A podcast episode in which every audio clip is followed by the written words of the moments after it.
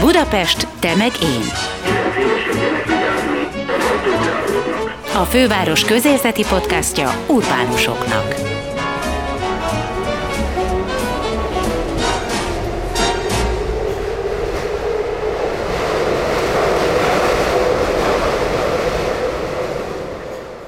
Alkotni, létrehozni, teremteni. Másolni, ha van honnan.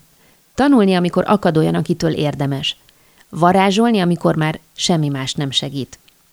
Ez olvasható Iglódi Csaba weboldalán, fogjuk fel személyes arszpoetikájának. Csaba újságíróból lett kommunikációs és marketing szakértő, szerkesztett és adott ki lapot, könyvet, szervezett konferenciát, szövetséget, kampányt, vezetett ügynökséget, kezelt válságot és fejlesztett márkát.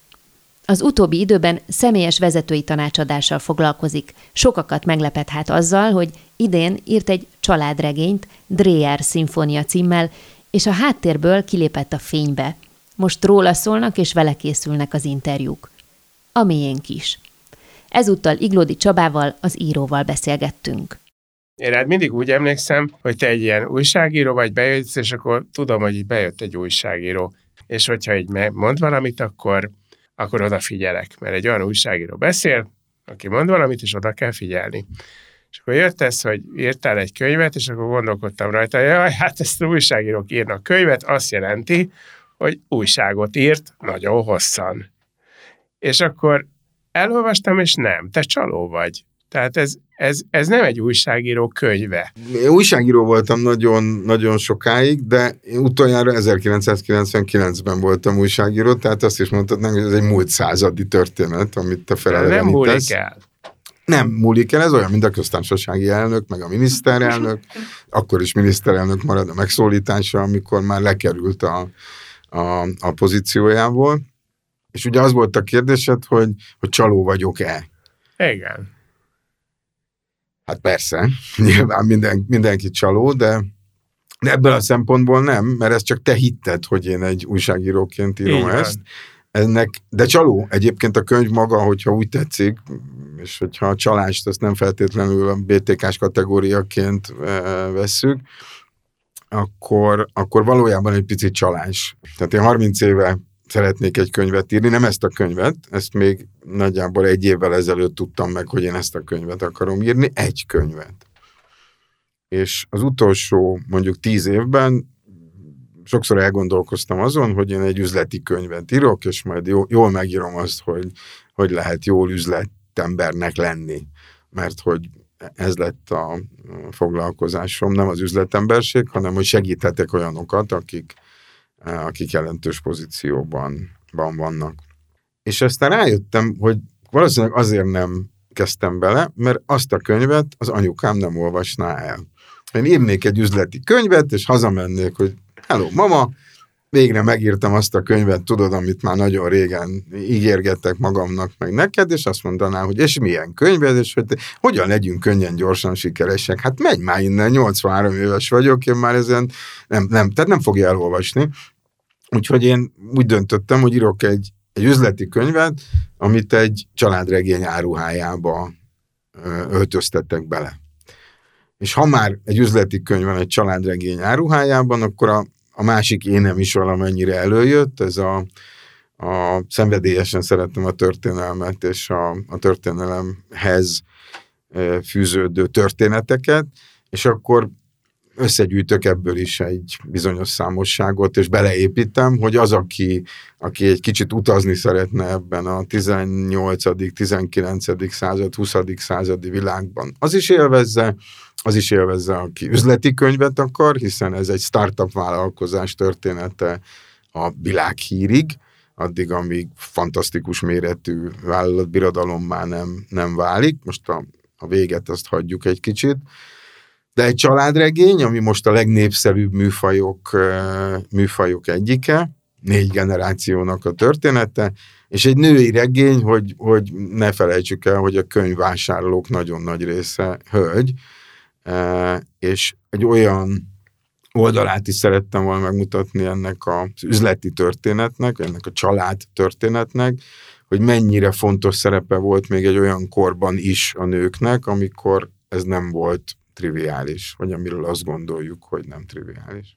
De hát akkor végül is neked nem egy történet felé volt szenvedélyed nagyon erős, hanem tulajdonképpen azt gondoltad, hogy kitaláld az ideális könyvet, mint brand manager, a brand építéssel oly sok évig foglalkozó szakember, hogy most soroltad fel, hogy mik az összetevői ezek szerint annak, hogy manapság egy könyv eladható legyen. Ezt nem tudom, hogy ezek az összetevői-e, de vagyok annyira marketinges valóban, és vagyok annyira hát hiú egy kicsit arra, amit csinálok, hogy ha már írok egy könyvet, és beleteszek valamennyi munkát abba, hogy ez elkészüljön, a kiadó bizalmat szavaz, megtör, betördeli, megtervezi, kinyomtatja ezt a könyvet, a kereskedők elkezdik árulni, Legyen akkor ne a nyilvánosság kizárásával jelenjen meg. Nem, igazából itt arra csodálkoztam rá, hogy bár olvastam, hogy neked bakancslistás feladatod volt hosszú évtizedeken keresztül, ez magadnak adott feladat, hogy írj egy könyvet, de akkor ezek szerint nem az volt, hogy éred benned egy sztori, vagy egy gondolat, vagy valami, amit mindenképpen el akartál mondani sok embernek, hanem egész egyszerűen úgy érezted, hogy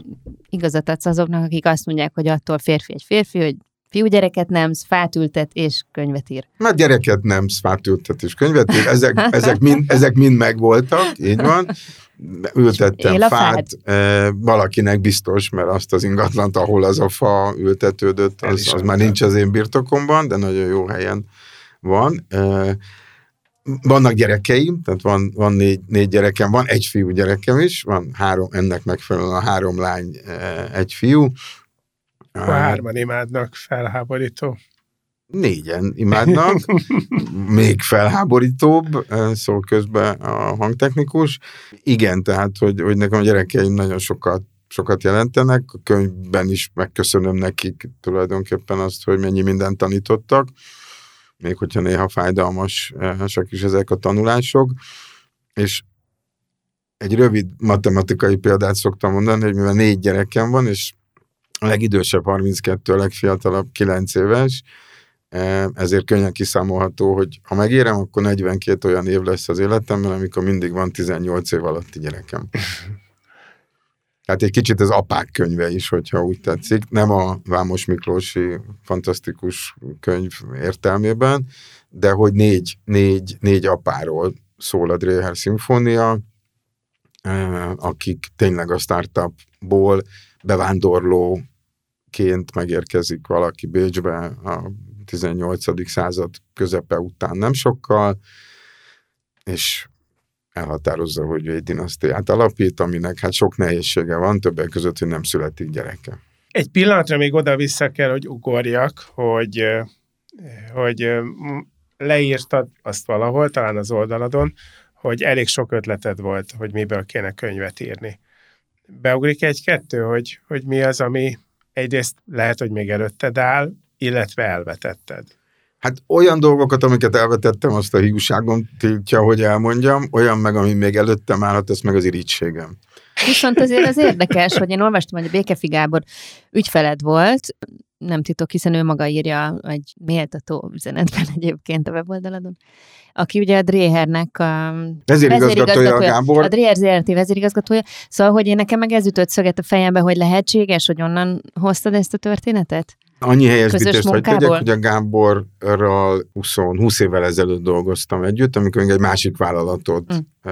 másik vállalatot vezetett, és mi a, az általa vezetett vállalatnak a kommunikációs ügynöksége voltunk, és aztán volt 15 év, amíg mi nem találkoztunk. Mm. Nem fog megharagudni, hogy elárulom, hogy egy hajnali kutyasétáltatás közben futottunk össze, mind a ketten nagyon beöltözve, megismertük egymást, és rájöttünk, hogy nem lakunk messze egymástól, és aztán fölelevenődött a kapcsolatunk, de ez még kevés ok lett volna arra, hogy a, a Dréherről írjak, aminek most öt éve a vezetője, hanem a történet az nagyjából úgy alakult, hogy, eh, hogy a Tomás Szabinak könyvét csináltuk tavaly május környékén, aki, eh, amelyik könyvnek a szerkesztője, a Csapodi Kinga volt, és úgy épült föl a, a könyv, hogy én csináltam Szabinával egy interjút, Kinga ezt, ezt rögzítette, és abból ő írta meg azt a részt, ami rólam meg róla szól a könyvben, ez most ilyen szempontból mindegy, de hogy elkezdtünk beszélgetni utána, mi nem ismertük egymást, de eléggé látszott, hogy valami dolgunk van egymással, mert hogy másnap megint találkoztunk, és, és eljutottunk addig a pillanatig, amikor én mutattam neki egy kéziratot, ami rólam szól. Nem én írtam, hanem rólam szól. Egy, egy, egy azóta már, már elhunyt barátom írt egy könyvet a mi beszélgetéseinkből, aminek a kézirata nagyon régen nálam van, de, de soha nem olvastam el. És a Kingának odaadtam, hogyha meg akar ismerni, akkor, akkor ez most egy pillanat erre, mondta, hogy jó, jó, majd valamikor nyáron elolvassa, másnap hívott, hogy elolvasta, de hát az a baj, hogy ezt nem lehet kiadni, mert téged senki nem ismer. És mondtam neki, hogy jó, akkor, akkor írok egy másikat, és akkor mondja meg, hogy mi lesz az, amitől ismerni fognak. És mondta, hogy, hogy akkor írj egy könyvet. És kérdeztem tőle, hogy jó, de akkor az előbbire visszatérve mi az, amire most sikeres? Mi az, ami most megy? Mi az a műfaj, amiben most érdemes gondolkodni? És azt mondta a gondolkodás nélkül, hogy a családregény. Mondtam, hogy jó, akkor írok egy családregényt, e, és nem eresztettem búnak a fejemet, mert eszembe jutott, hogy néhány héttel, tényleg másfél héttel korábban jártam a Dreherben vállalatvezetőkkel, és a Gábor tartott egy előadást nekünk, aminek az volt a címe, hogy Drehertől Dreherig. E, ma már tudom, hogy ez azért volt, mert ez az ő stratégiájuk öt éve, ami őt átvette a céget, ez most egy japán tulajdonú vállalat, hogy visszahozzák a, a, a hagyományt, és ötvözzék az innovációval. A tradíciót az innovációval, ami egyébként nagyjából leírja a, a, a, a négy generációnak is a történetét. És én beleszerettem ebbe a, a sztoriba, hazamentem, utána elkezdtem a, a számítógépemnek fölnyitni, és elkezdtem keres, keresgélni, hogy, hogy mi a... Igen, róla, lehet róla van adat.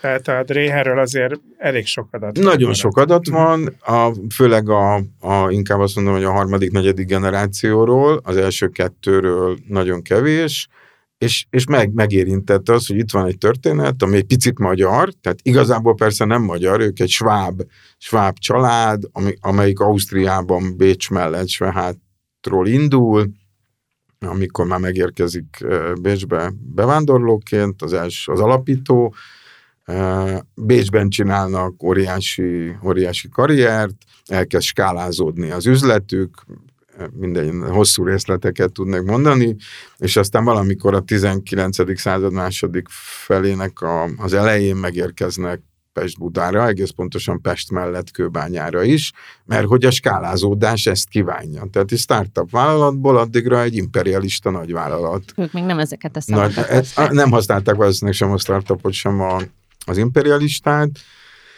és aztán a negyedik generációnak az egyik tagja az, aki, aki örökségként a magyar bizniszt kapja, és odáig viszi, hogy a 30-as évek egyik évében, azt hiszem 35-ben ő a legnagyobb adófizető magyar, magyar polgár, amihez sok minden kellett.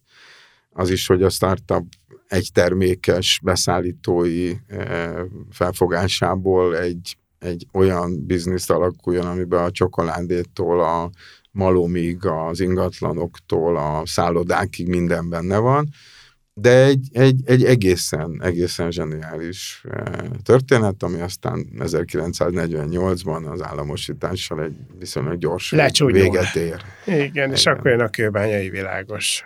Elkezdtem olvasni, egy csomó mindent megállapítottam. Egyrészt megállapítottam, hogy te ismered Bécset és nekem teljesen úgy tűnt, mintha marha jól ismernéd, nem csak azt a részét ismered, hogy most hogy néz ki, hanem hogy akkor mi történt, azt is elég pontosan tudod. Én nagyon szerettem Bécset, sokat jártam, jártam oda, de, de azt, amit mondjuk az 1700-as évek végének Bécséről, az, ami a napóleoni háborúk utáni Bécs, ami a, a forradalom alatti e, Bécs, vagy a, a forradalom utáni 48-49-es forradalom utáni bécsi konszolidáció, ha van ilyen, de igazából a városfejlődés akkor indult meg, az nekem kutató, kutató munka volt, tehát nekem ugyanolyan rácsodálkozás volt az, hogy a ring, amelyikről azt gondoltam, hogy ott van 300 éve, és nem is villamosok jártak rajta, de hogy az, az, az része a városnak, az valójában egy, egy védgyűrű volt, egy egy kilométer széles védgyűrű,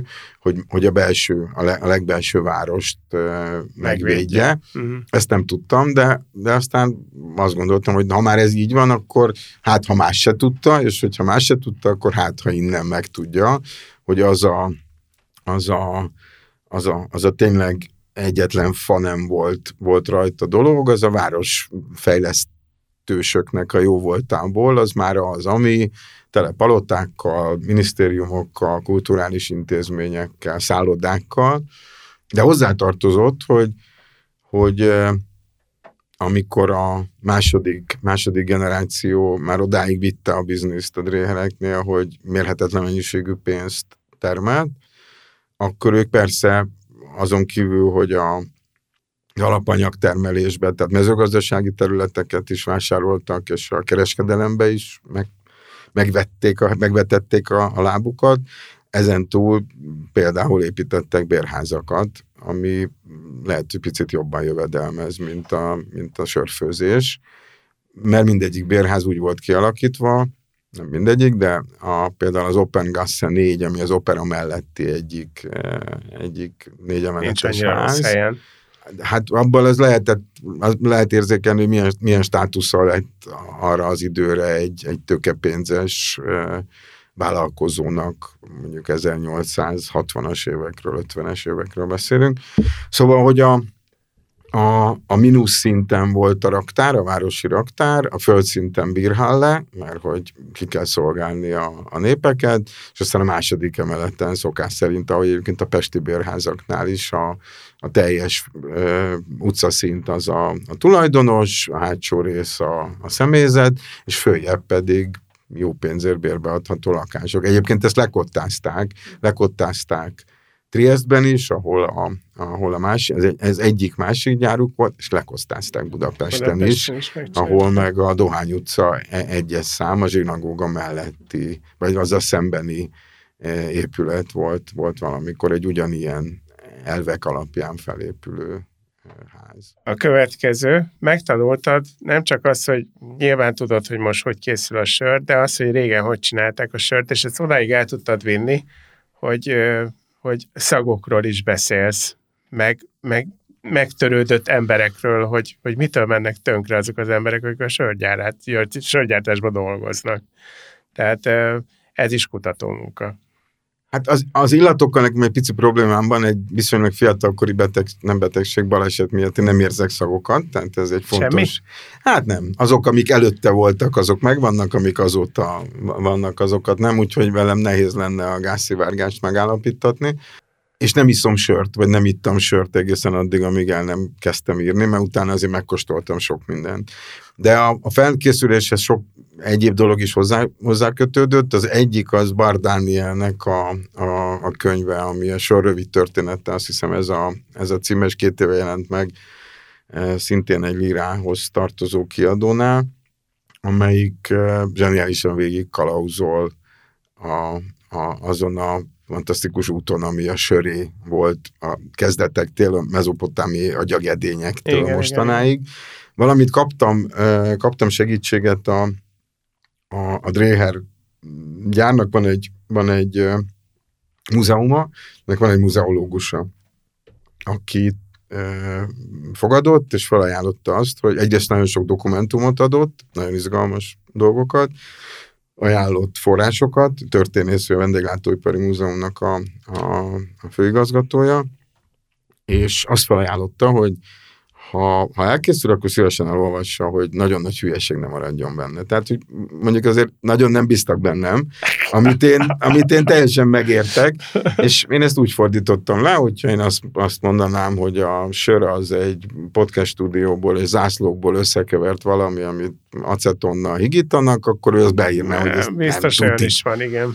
És tényleg nagyon nálás vagyok neki, mert végigolvasta, több helyen javasolt változtatást, de nem azért, hogy cenzúrázza, hanem azt mondta, hogy bizonyos helyen, hogy szerinte itt ne szendvicset egyenek, hanem hiszen bajorok, akkor legyen valami rendes ja, sonka. Tehát ilyen, hogy, hogy, hogy ne pálinkát igyanak egy, egy jelenetben, hanem az abszint akkor egy, hm. hát ezt már én találtam meg, de ne pálinka legyen, hanem, mert az jó.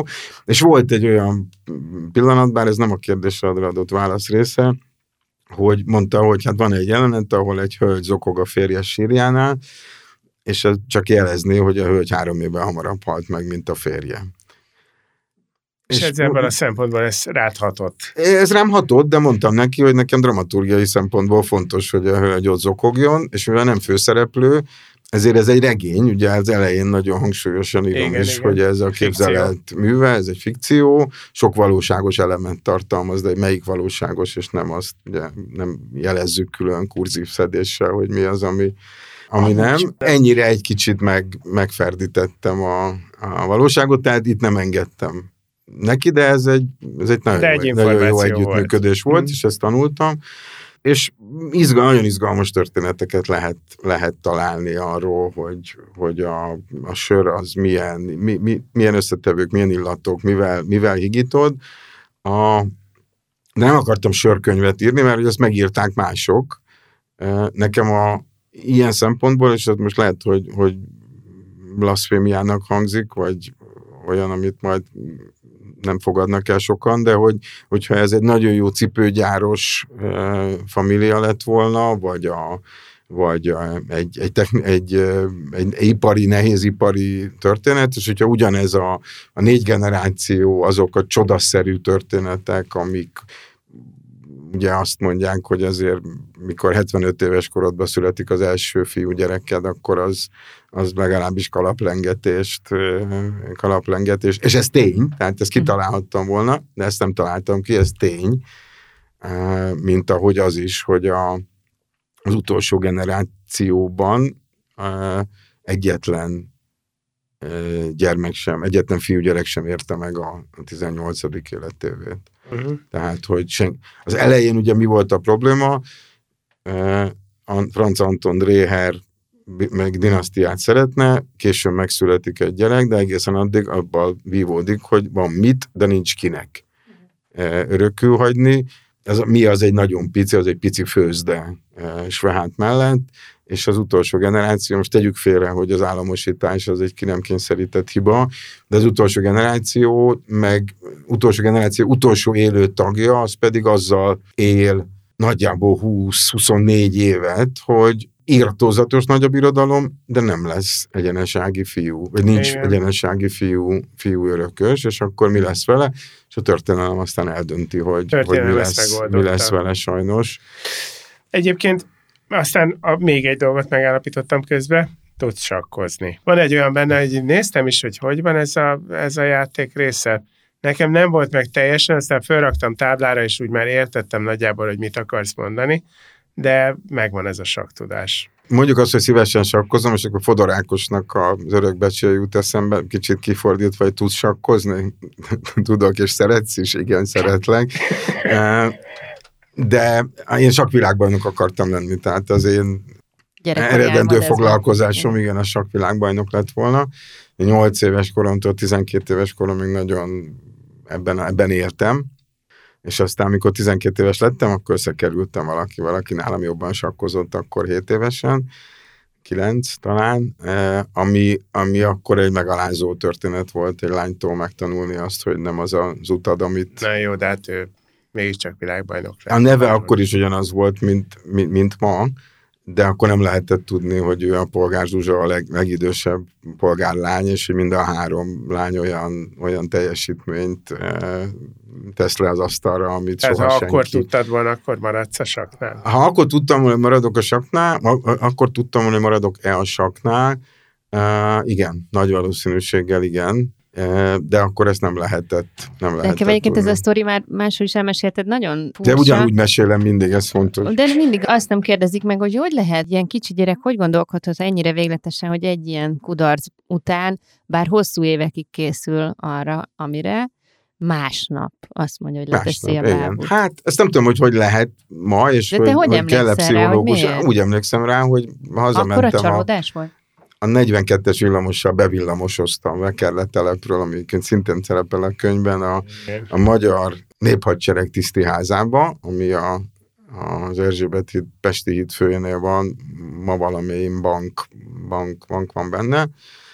Ott volt ez a budapesti döntő, az első partit, nem tudom, kilenc lépésnél nagyjából két vára fektetett a, az ellenfelem, mondom, akiről akkor nem lehetett tudni, hogy ki, és akkor ez mondjuk vasárnap volt, de lehet, hogy szombaton, és én hétfőn nem sakkoztam. De ez az első versenyed volt? Nem, hát én addig sokszor, én igazolt versenyző voltam, és... És jól ment. És jól ment, és Igen. hát legalább, de lehet, hogy tehetségtelen volt, ezt nem lehet Há, tudni. Nem hiszem, tehát, hogy... szerintem egy véletlenül egy korszakos Nekem nagyon, lehet, nekem nagyon fontos, uh-huh. fontos volt az életemben, és aztán kimaradt 40 év, mondjuk, 30 valamennyi, és utána kezdtem megint. Online játszom most, mert ez nekem egy ilyen hőmérő, hogy, hogy De milyen, milyen állapotban vagyok. Nem géppel, hanem ismeretlenekkel, de, de online platformon most. És hány százalékban nyeregeted a partikat? Hát ez nincs, nincs nagy jelentősége, sokszor gőzkiengedés, sokszor tényleg az ja. teszt, hogy, hogy mire vagy képes ma, tehát mennyi feküdj le, mert ebből már nem lesz semmi, vagy akkor menj vissza.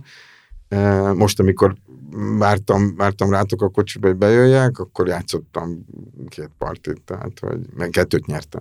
De a Szeremlei Huba volt, akivel én elkezdtem utána sakkozni, oh. összehoz sodort vele az élet. És ő hozta a bort. E, igen, de a Huba nem volt egyébként, e, de, de fantasztikusan sakkozott. Eleinte ő mindig megvert, és aztán, aztán ahogy visszajöttek a rutinok, akkor már, már jobb voltam és akkor meg semmisítő mondatot mondott, azt mondta, hogy jó, akkor most felveszem a szemüvegemet. De ez több hónap után, több, több hónap után, után volt. Neki a sakk és a, a vitorlázás volt, a, volt az élete. Isten Viszont akkor elmondom, a, ami miatt igazából a könyv tetszik nekem. Az a helyzet, hogy, hogy mindenkinek építettél karaktert, és ezt a karaktert viszed rendesen, Nyilván ezt nem tudhattad ezekben a forrásokban, amiket nyilván végigolvastál, nincsenek karakterek, tehát ezeket a karaktereket te építetted, és ezt olyan szinten használod, hogy mikor leírod mondjuk egy férfi és egy nő vitáját, az konkrétan lelki oldalról felvezeted, hogy ki hogy jutott el a vitáig, és milyen állapotban van a vita közben. Ez már izgi. Nekem ez tetszett. Hogyan fogtál ennek a munkának? Mindenkinél leírtad, hogy ez, az, ez a, mondjuk ez a Dréher, ez egy ilyen ember, és így reagál, és ez a gyenge pontja, ez az ereje, ezt így vitted végig? Nem lett volna rossz egy ilyen karakter, karakterlistát csinálni. Vannak, akik így írnak. A Nárai Tamás többször nyilatkozott, vagy többször mesélt is arról, hogy ő, ő mindent megír, előre mindenkiről pontosan tudja, hogy hol hajlik a, a, a, a, a keze, hogy milyen gesztusa van, hogy milyen ruhát visel, és erről van, van egy katalógusa. Én ennél spontánabb eh, spontánabb voltam, ami azért adott okot később, később aggodalomra, hogy, hogy az nehéz, nehéz fejben tartani, hogy mit is hazudtál. Tehát, hogyha ezek valós figurák lettek volna, akiknél ezt tudod, hogy igen, ő az, aki mikor, mikor zavarban van, akkor mindig megdörzsöli a jobb szemének a sarkát, akkor lehet tudni. Amikor ezt kitalálod valakiről, és ezzel jellemzed, és ezt nem írod be, be valahova, hogy akkor az XY szereplő az, az zavarában mindig ezt csinálja, akkor egyrészt nem leszel következetes, másrészt meg lehet, hogy négy jelenettel később kiderül, hogy nincs is szeme.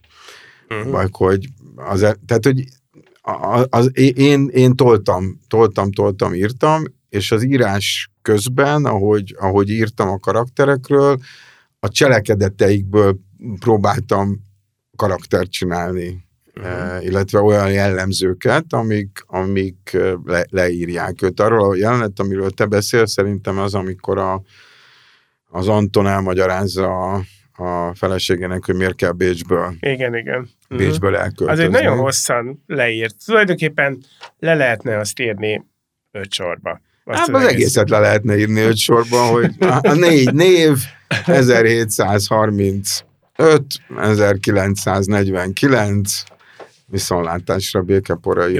Az egy hosszú de... jelenet, azt szerettem azt a jelenetet, mindegyiket szeretem. De olyan érdekes, hogy jelenetként beszélsz róla, nem is tudom miről. Tehát te film, filmet nézel valószínűleg. Közben. Sokan néznek filmet, amikor olvassák, mm. sok olyan visszajelzést kapok, hogy, hogy, hogy filmszerűes lesz-e mm. belőle. Igen.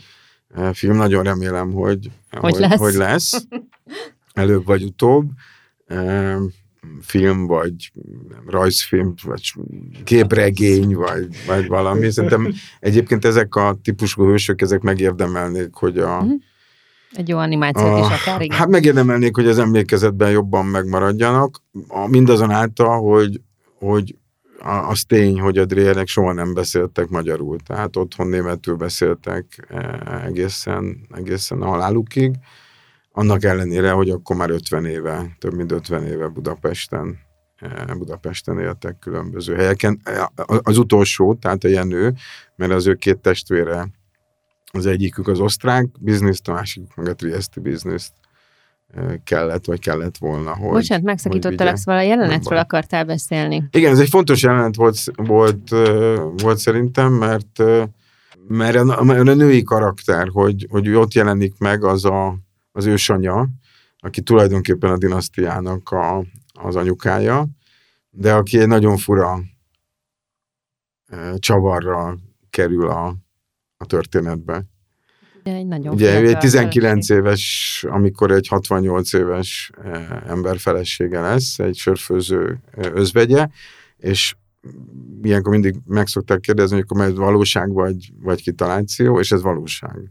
De akkoriban én szerintem ez nem volt annyira ritka. Hát az ritka volt, hogy valaki ilyen kort élt meg, tehát hogy néhány Igen. koronás főn kívül azért az átlag életkor valahol 40 és 50 között volt, Na most hát ő, ugye a 68-75 éves, amikor megszületik a, az Antal nevű első fiúgyereke, lánygyerek született korábban, kis egy egyébként, és lesz egy 19 éves e, lány, aki ugye valahogy lesz a felesége, ezt Leírod, tessék elolvasni, ezt mindenkinek igen. ajánlom. És az ő jelleme is azt hiszem, hogy fontos volt ebben a történetben, ráadásul bár kulcs szerepe van a dinasztia alapításban, azért az ölmeleg közeget azt nem róla nevezném. nem róla nevezném el. És akkor meg kellett értetni, és ez nekem is, egyébként ez nekem is egy nagyon izgalmas tanulás volt, hogy egy vesztes, nem vesztes, hanem egy háború után, tehát a napoleoni háború után, az milyen, micsoda megterhelést rótt a, a, a vállalatokra a, akkor, és bizony a, ma az infláció ugye most ilyen, nem tudom, 20% körül van, van nálunk, ott, ott 10-ből, 10-ből 8 egységet vesztettek el azok, akik ezt nem valamilyen eszedben, hanem, hanem készpénzben tartották. Azt Igen, tud mentek. Egyébként, ha már a nőknél tartasz, ezt hangsúlyozod is, hogy szerinted ebben a családban nagyon fontos a nők története, és te azt mondod, hogy szerinted ők bizony bár kisebb betűvel írja minden emlékkönyv a nők nevét, de itt fontos szerepet töltöttek be. Szerintem itt is, meg egyébként is alul becsült, azt gondolom a 19 20. század elején alulbecsült, alulbecsült a nők szerepe, mert bár nem látható pozíciót töltenek be, de ahogy ott idézek egy korabeli közmondást, ami arról szól, hogy a férfiak hozzák a törvényeket, de a nők szülik a gyerekeket, és a gyerekek nélkül ugye a törvények kevés dolgra alkalmasak. De nem csak ezért, hanem mert az első két generáció, egész pontosan a harma, második, harmadik generációnál nagyon korán meghal az édesapa, és még az egyik esetben 10, a másikban 14 éves a, a Rökös? Az örökös, a kijelölt örökös, vagy az egyetlen örökös ráadásul, és ott van, van bizony feladat e, abban, hogy, hogy azt a hagyományt, azt a szaktudást, azt az étoszt, amit, a, amit a, a, az édesapa képviselt, azt valahogy átörökítsék, és ebben a nők nem, nem, nem hagyhatók ki. És akkor ez, a, ez az igaz része a történetnek, a történelmileg Minden igaz. Része igaz. Nem, hát azt mondtad, egy csomó fikció Az is igaz. Az mondjuk mindig nagyon nehéz egy olvasó, aki, aki érdekel, hogy mi a fikció. Ez valós, ez, ez, mind ez, ez a valós ez mindegy, mindegyik valós. A, a Kéti Dréher, aki a harmadik generációnak az asszony szereplője, ő is egy, egy fantasztikus nagy udvartartással rendelkező, a Sziszivel többször találkozó, és ezt kihagytam, ezt a részt, mert ez annyira nem, nem engem nem mozgatott. Nem. Pedig hát a Sziszi még hány, hány olvasót hozott volna. Na minden És lehet, hogy neki is volt tetoválása, nem csak a Sziszinek, de ezt nem tudjuk. Azt viszont tudjuk, hogy ez a, ez a brand, ez egy igazi nagy karriert futott vállalatbrandje, és hát te sokat foglalkozol, ahogy említettük is, cégvezetőkkel. Te mit mondanál, mit lehet például ebből tanulni egy olyan embernek, akinek egy ilyen nagy piradalmat kell vinnie, Ráadásul egy olyan időszakban, ugye az 1700-es évek végétől, 1800-es évek elejétől, ahol még nem voltak olyan szakkönyvek, amiket mások megírtak, hogy hogyan építs brandet. Mi az, amit ők valahogy zsigerből ösztönösen jól csináltak a Dreher családban? Hát az első egészen biztosan az volt, ami, ami azt hiszem, de anélkül senki nem tud most sem működni, hogy legyen egy nagyon világos célod. Tehát akar valamit elérni, azon túl, hogy vegyék meg a portékádat, vagy vegyék igénybe a szolgáltatásodat. Tehát, hogy legyen valami önmagadon túlmutató e, célod. És neki mi volt ez? Mert az Neki a dinasztia. Igen?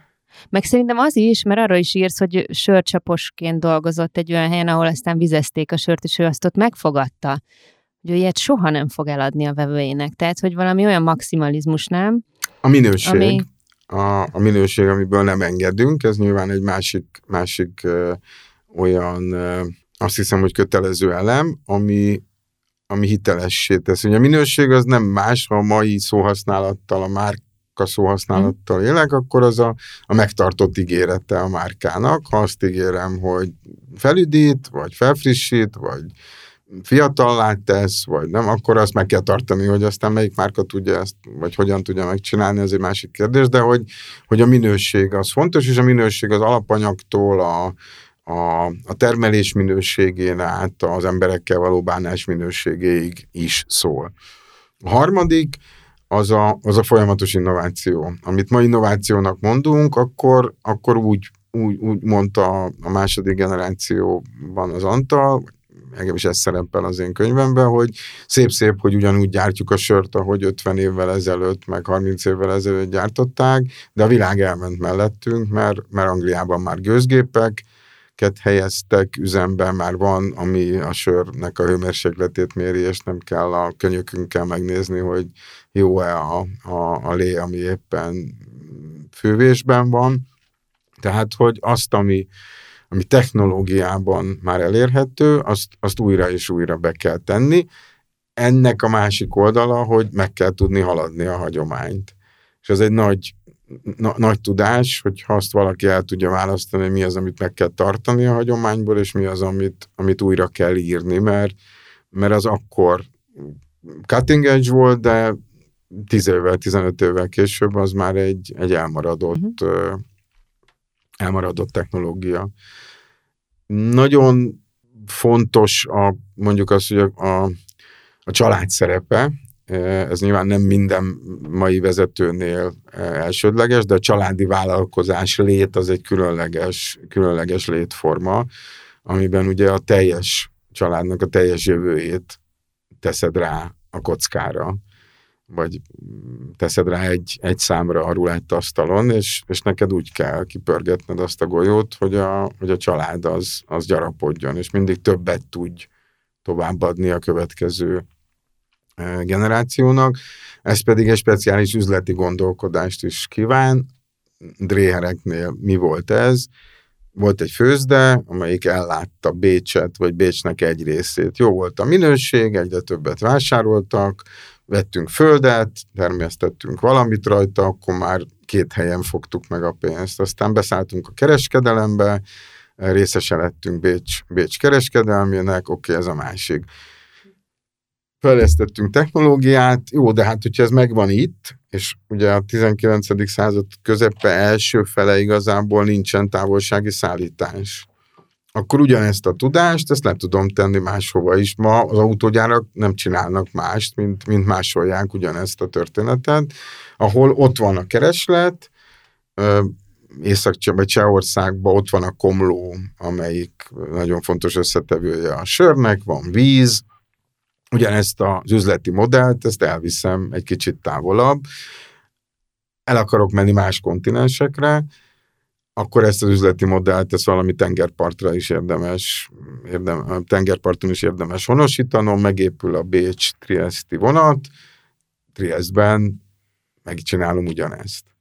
És aztán észreveszem, hogy hamarosan közeleg a kiegyezés, ugye a rebelis magyarok az most már megtanított a hajnaú arra, hogy, hogy merre van az előre, jött a Bach korszak, akkor fölteszem az ujjam, azt mondom, így fúj a szél, akkor én most elmegyek, és kifektetek, ugye, bár ugye egy or, mindegy monarchia meg messze van, de elmegyek keletre, mert sokkal fejletlenebb a, a technológia, fejletlenebb a kereskedelem, kisebbek a városok, de ott van a víz, ott van egy, egy kőbánya, egy elhagyott kőbánya, amiben ideális a hőmérséklet, ami alsó erjesztésű technológiánkhoz.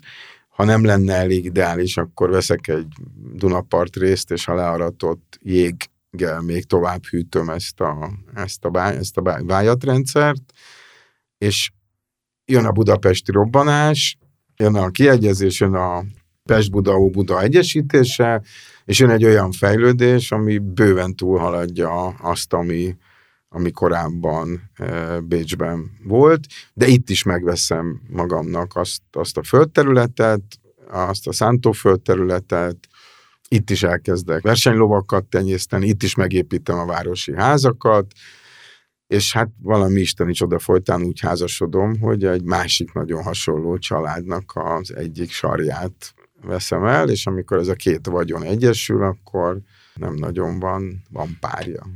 És ez mind csak az alapja a könyvnek? Hát ez mondjuk ez a történelmi, vagy a történeti Magja. vázat. De hogyha valaki azt gondolja, hogy ez van benne, az tévedni fog. hát ez a vázlat, ez a, ez a csont, ez a, ez a, a hogy hívják, ez a csontváz. És Azért alapvetően erre... csak arról szó lesz, hogy te mit gondolsz a férfinő kapcsolatokról. Hát szerintem minden regény arról szól, hogy aki írja, az mit gondol a világról. Nem biztos csak a férfi-nő kapcsolatokról, mert amit még Dori a kérdésedre válaszolva, hogy és persze minden szentnek nyilván maga felé hajlik a kezed, tehát hogy egy jó vezető az jó tanácsadókkal veszi körül, körül magát, és ezért teremtettem egy, egy olyan tanácsadó karaktert, a, aki kicsit te vagy végig kísér. Nem, vagyok kicsit, vagy nem kicsit, vagy nem, nem én, vagy nem tudom én, sok válasz lehet. De például ezt a távoli pontokat összekötő gondolkodást, ez valójában egy, egy, egy mai modern technika arra, vagy technológia arra, hogy, vagy módszertan arra, hogy, hogy hogy lehet kilépni a dobozból, és egymástól távol levő pontokból kirajzolni a nagy göncölt. Az jutott eszembe, hogy hogyha ebből valaki filmet fog készíteni, ez nem lesz egy olcsó mulatság. Mert azért ez egy kosztüm. Ezért, film. ezért mondtam a képregényt, vagy a rajzfilmet. Tehát... De egyrészt nem lesz olcsó, de hogyha esetleg film készül, akkor hogy hívják a forgatókönyvírót? Hát azt nem tudom, hogy hogy hívják, azt tudom, hogy Oscar díjas lesz. Tehát te írtad a forgatókönyvet? Nem, én nem értek hozzá. Te négy-öt hónap alatt írtad ezt a könyvet. És rá is csodálkoztunk mindannyian, hiszen több száz oldalról van szó, egy nagyon összetett műről. Az első könyvesek azért ennél jóval többet szoktak. Oké, okay, újságíró múltad van, oké, okay, értesz a szavakhoz, de azért ez, ez, szerintem ez egy hát elég hát, rövid kis időcske. Nekem se tűnik soknak visszafele nézve, de mondhatnám azt, hogy miután nem 20 évesen kezdem, ezért gyorsan kellett csinálni, hogy, hogy oda lehessen. Hogy oda lehessen hogy lesz ebből érni. életmű különben. Hogy lesz ebből életmű. A Churchill mondta, hogy ne haragudjanak, nem tudtam röviden írni, mert nem volt elég időm. Tehát ez is, ez is benne van valamennyire. És, és tényleg sok mindent el akartam mondani a világból, világról, ahogyan én, én látom, vagy gondolkodok róla. Ezért ez egy ilyen hibrid, hibrid regény, mindenféle áruhák vannak rajta, és csak remélem, hogy nem olyan, mint a Pressernek a primadonnája, ami, hogy mikor minden ruhát levett, akkor nem volt semmi. ott semmi. Egyelőre nagyon boldog vagyok. Egyrészt ma a felvétel napján jelent meg a második, második kiadás, tehát hogy július közepére elfogyott az első kiadás, most jön a második, és tegnap voltam egy író-olvasó találkozón, és valaki oda jött egy hölgy, és mondta, hogy hát ő ismeri a feleségemet, és tulajdonképpen miatta vette meg a könyvet, és ke- miatta kezdte el olvasni, de az ötödik oldal után már miattam olvasta tovább, tehát hogy ezek jó, jó visszajelzések. És milyen érzés neked tulajdonképpen a másik oldalon állni most? Te ugye egész eddigi életedben a mikrofon hátsó részén, meg a tanácsadóként is ugye az előtérbe fénybe tolt ember mögött, álltál, most rólad szól a dolog.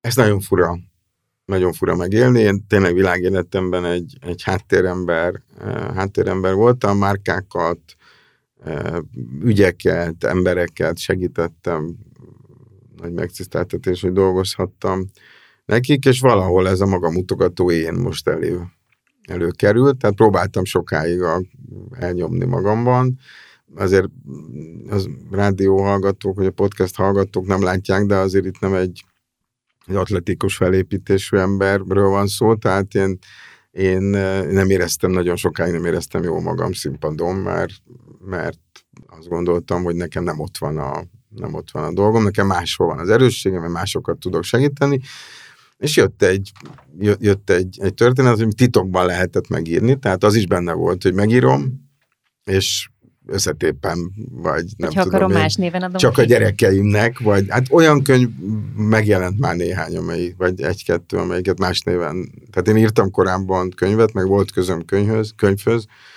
vagy könyvekhez, de, de a saját nevemen ez az első, ami, Oh. Ami megjelent. Kijöttél a fényre, most maradsz? Tehát íróvá váltál? Hát, vagy... hogy maradok-e a fényen, ez a fénytől függ. Hát, Akar-e hogy, hogy akar-e a fény? Át kell gondolni, mert hát még, még egy ilyen maratonfutás, én azt szoktam mondani, hogy ez az én maratonom, valószínűleg soha nem fogok rendes maratont futni, de, de az, hogy ez így most egy 435 oldalas könyv, ami egyébként gyönyörű kivitelű, nagyon hálás vagyok a, a Te kiadó. nem gondozta. Nem gondozta, és a Földi Andrea, aki tervezte, szerintem megérdemli, hogy, hogy itt is mindenhol elmondom, hogy az ő neve, neve is elhangozzon, és nagyon sokan segítettek egyébként azzal, hogy első olvasóim voltak, azzal, hogy a kommunikációs terheket e, valaki levette a vállamról, azzal, hogy valahogy valaki azt mondta, hogy hogy eh, annyira jó a harmadik, negyedik tétel, hogy az első kettőt újra kéne írni, és akkor ilyenkor persze a pokolba kívánja az ember a, a barátait, akik ezt mondják, de be kell látnom, hogy igazuk volt. És Tényleg? Abszolút, és akkor ezt újra nem írtam újra teljesen, de újra szerkesztettem. Igen, igen. Mit kívánjunk? Ami rajtad Életművet. múlik, az nem újon rajtad. Ami rajtam múlik, az, az igen, az egy nagyon jó, jó, jó, jó befejezés. Ezt te találtad ki? Ezt a mondást? Vagy ez Fogalmaz valóban... meg a kérdést, légy szíves még Hát egyszer. ugye te a, te a Dreher szájába adtad ezt, hogy ami rajtam múlik, az rajtam nem múlhat. Igen, Franz Anton Drehernek a szájába adtam. Ez, De így- akkor- ez így pontos. Akkor ez nem, ez nem ő mondta, hanem ezt te mondod. Mondhatta volna. De te, mondtad. de te így élsz amúgy? Ez két kérdés. Hát most akkor ez egy fikció, tehát te találtad ki, ezt értjük, de hogy Ez a... egy, ezt én is, eh, hogy mondjam, ezt a, ezt a hozzáállást, ezt én egy, egy barátomtól hallottam, és amikor oda kerültem a könyvbe, hogy ez valahogy belekerült ez a mondat, akkor felhívtam, hogy én ezt megveszem tőle, ezt a, ezt a mondatot, mert annyira ráillik a, arra a helyzetre. Nyilván nem került, került pénzbe, de ez nem egy kopi, tehát ez nem olyan, mint a, a, az állam én vagyok, vagy valami olyan régi, ami tudjuk, hogy ki és mikor, eh, mikor mondta, hanem, hanem ez egy életforma, egy megközelítés. Én, én szeretek úgy élni, meg, meg sokszor kerül elő a vezetői tanácsadásba is, hogy, hogy nem, nem fogja helyetted megcsinálni senki, tehát ami rajtad múlik, az, az rajtad nem újon, hogyha egy új karriert keresel, akkor kicsi az esélye, hogy valaki bekopog a harmadik emelet 12-be, és azt mondja, hogy van nálam egy karrier, érdekel-e valakit.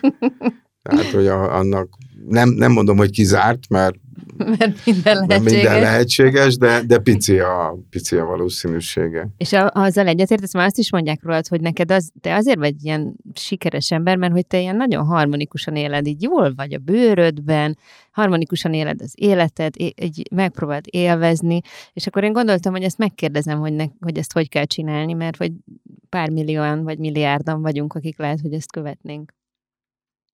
Nem tudom, hogy hogy kell csinálni. Én 11 néhány évvel ezelőtt kaptam erőteljes figyelmeztetést a, a sorstól egészségügyi állapot tekintetében, és akkor úgy döntöttem, hogy, hogy a következőkben, akkor voltam mondjuk 45, 44-45 éves, azt gondoltam, hogy akkor most ezt úgy veszük, hogy az ember élet útjának a fele. A midlife crisison már túl. Már túl voltál akkor? Hát már 30 évesen túl voltam azon. Nem, vicces. Tehát, hogy ez a fele, és hogy, hogy innentől csak olyan dolgot csinálok, amiben, amiben jól érzem magam, olyan ügyel dolgozom, amit amiben hinni tudok, olyan emberekkel ne, kell dolgozom, akik tanítanak nekem, és olyan embereknek dolgozom, akik bár nem tudják, de legalább ugyanannyit adnak nekem, mint amennyit én nekik. Akkor és nevelem a gyerekeket. Köszönjük szépen! Köszönjük! Én köszönöm! Ez volt a Budapest Temelgén Podcast, melyet a Budapest Brand Nonprofit ZRT megbízásából a Kinopolis Kft. készített.